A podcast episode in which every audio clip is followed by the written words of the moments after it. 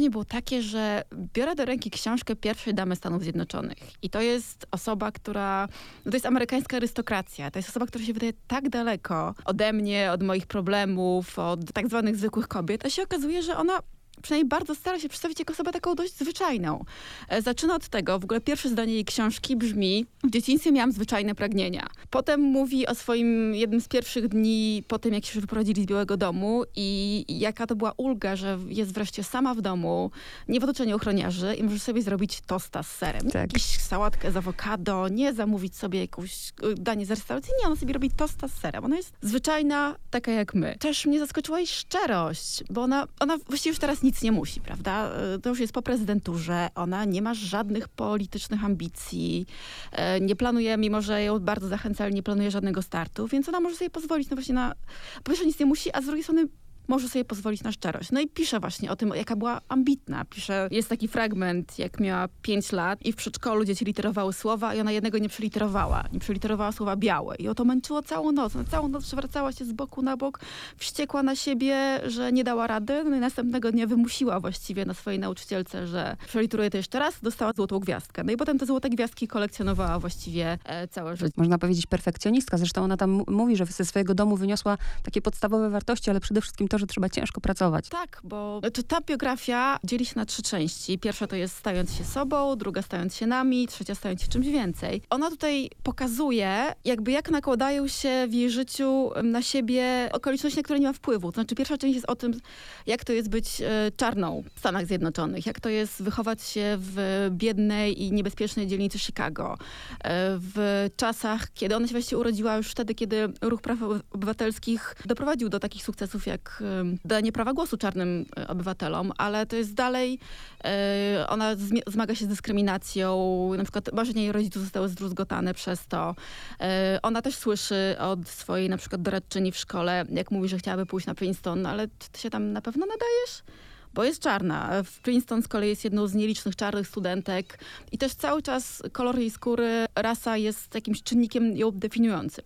W drugiej części z kolei opisuje, jak to jest być kobietą, współczesną kobietą, to znaczy jak to jest, kiedy jej ambicje, jej marzenia, jej plany zdarzają się z ambicjami, planami i karierą męża, jaki to ma wpływ na związek. Jeszcze chciałam wrócić do dzieciństwa. W ogóle dzieciństwo określa nas i mimo, że jeszcze były wtedy takie momenty dyskryminacji, to nawet nawet jest tam taki fragment, bo na górze jej domu mieszka ciotka. Kiedy ona z bratem beztrosko się bawi, ta ciotka jest zawsze taka smutna, jest y, tam, jak to ona nazywa, jak w muzeum i mama jej wtedy tłumaczy, że musisz zrozumieć, że każdy ma jakby swój krzyż i swoją historię. Można powiedzieć, że mieli jeszcze łatwiej niż rodzice, dziadkowie. I matka i ojciec byli dla niej opoką. Ona o nich w ogóle pisze z taką czułością i z takim ciepłem.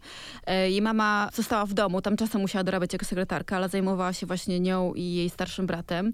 Jej ojciec pracował pracował w wodociągach i kiedy miał 30 lat zdiagnozowano u niego stwardnienie rozsiane. Tak. E, I ona pisze właśnie, Michelle pisze o tym, jak e, to był taki spokojny, cichy, cierpliwy człowiek, który nigdy się nie skarżył, nie lubił lekarzy i tylko coraz wolniej szło mu ubieranie się i zapijanie guzików. I najpierw chodziło o lasce, a potem chodziło o kulach, ale zawsze dla niego myśl o tym, że mógłby nie pójść do pracy, mógłby się poddać, e, w ogóle nie, nie wchodziła w grę. To, to była kwintesencja, to, to była jego godność, o którą on w ten sposób walczył. Jak czytam, to mam takie wrażenie, że to jest takie też trochę bajkowe, bo nawet przecież w, w życiu każdego z nas są trudne sytuacje. Ona nikogo w tej książce nie oskarża.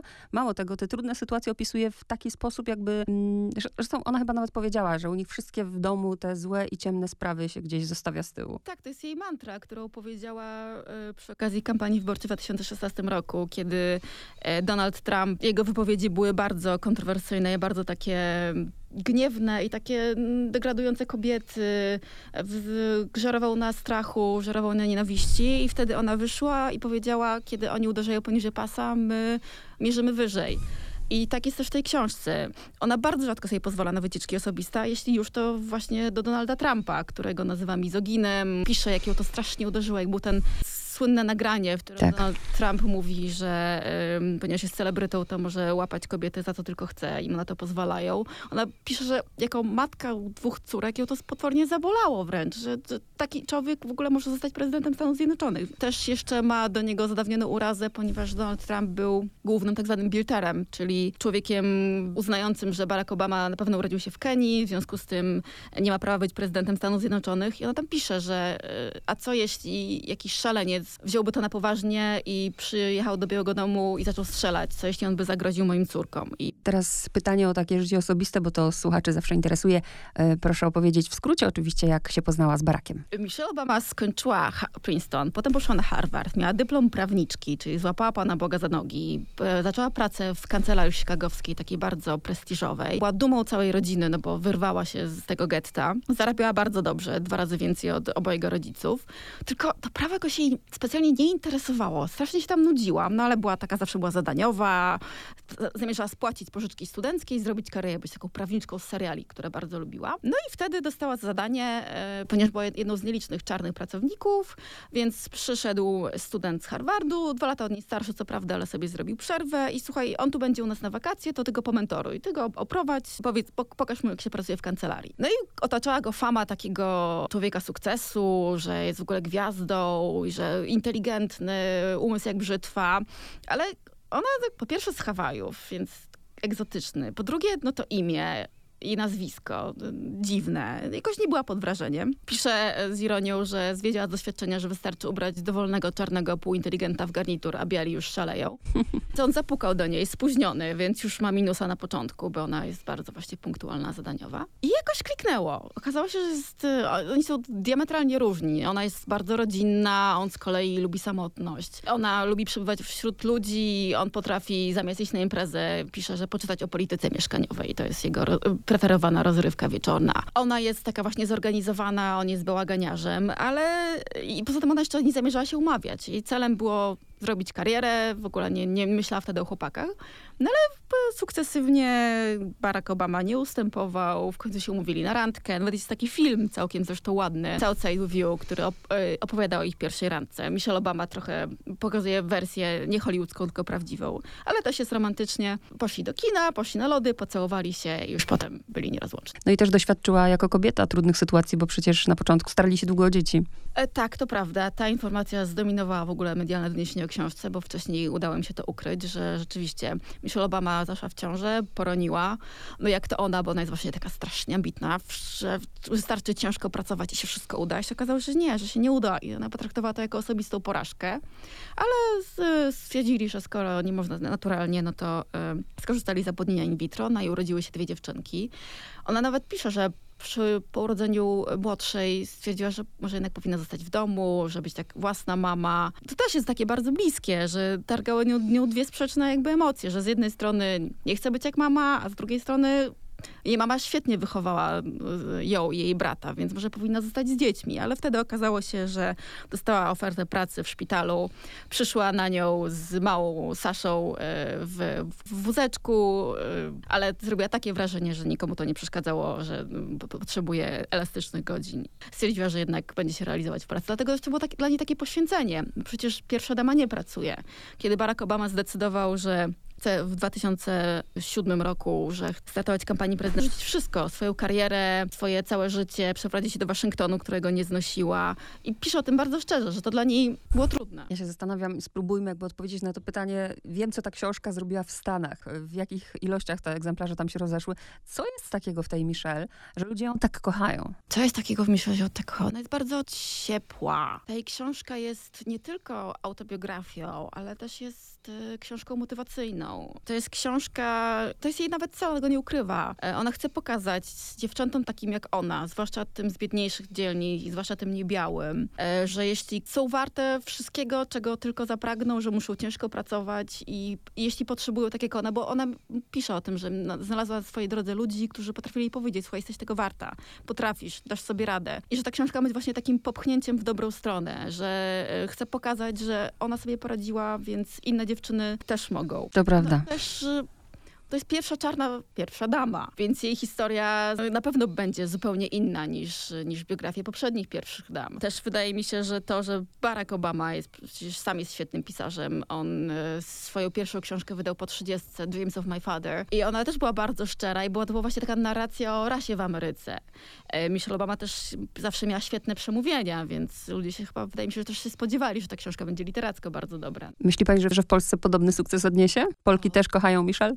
Podobno już jest jedną z lepiej sprzedających się w, w przedsprzedaży. Miała dość dobre wyniki, więc wydaje mi się, że, że niewykluczone. Mam nadzieję, bo na, naprawdę warto. To, to nie jest, to jest Książka o kobiecie, bardzo mądrej kobiecie, bardzo zdolnej kobiecie, kobiecie, która pokonała różne trudności na swojej drodze. Jest taka, jest motywacyjna i wydaje mi się, że nie, nie, nie, nie tylko dla, y, dla rodaczek Michelle Obamy, nie tylko rodaczki Michelle Obamy znajdą w jej doświadczeniu coś, y, co, z czego będą mogły same skorzystać. A co pani myśli o tym, że jak ona zapowiedziała, że, że wydaje tę książkę, to oczywiście od razu spekulacje, że spokojnie, spokojnie, to na razie książka, a jest to zapowiedź kariery politycznej. Ona się od tego zawsze odżegnywała i w książce też się odżegnuje, że polityka ją w ogóle nie interesuje, że to w książce jest strasznie mało polityki, bieżącej polityki. To Barack Obama, który e, ma swoją książkę wydać chyba w przyszłym roku, e, swoje wspomnienia z ośmiu lat prezydentury, pewnie więcej, na pewno więcej o tym napisze. Ona nie chce. No i ona jest bardzo dobrym e, mówcą, to prawda, i pewnie dlatego takim,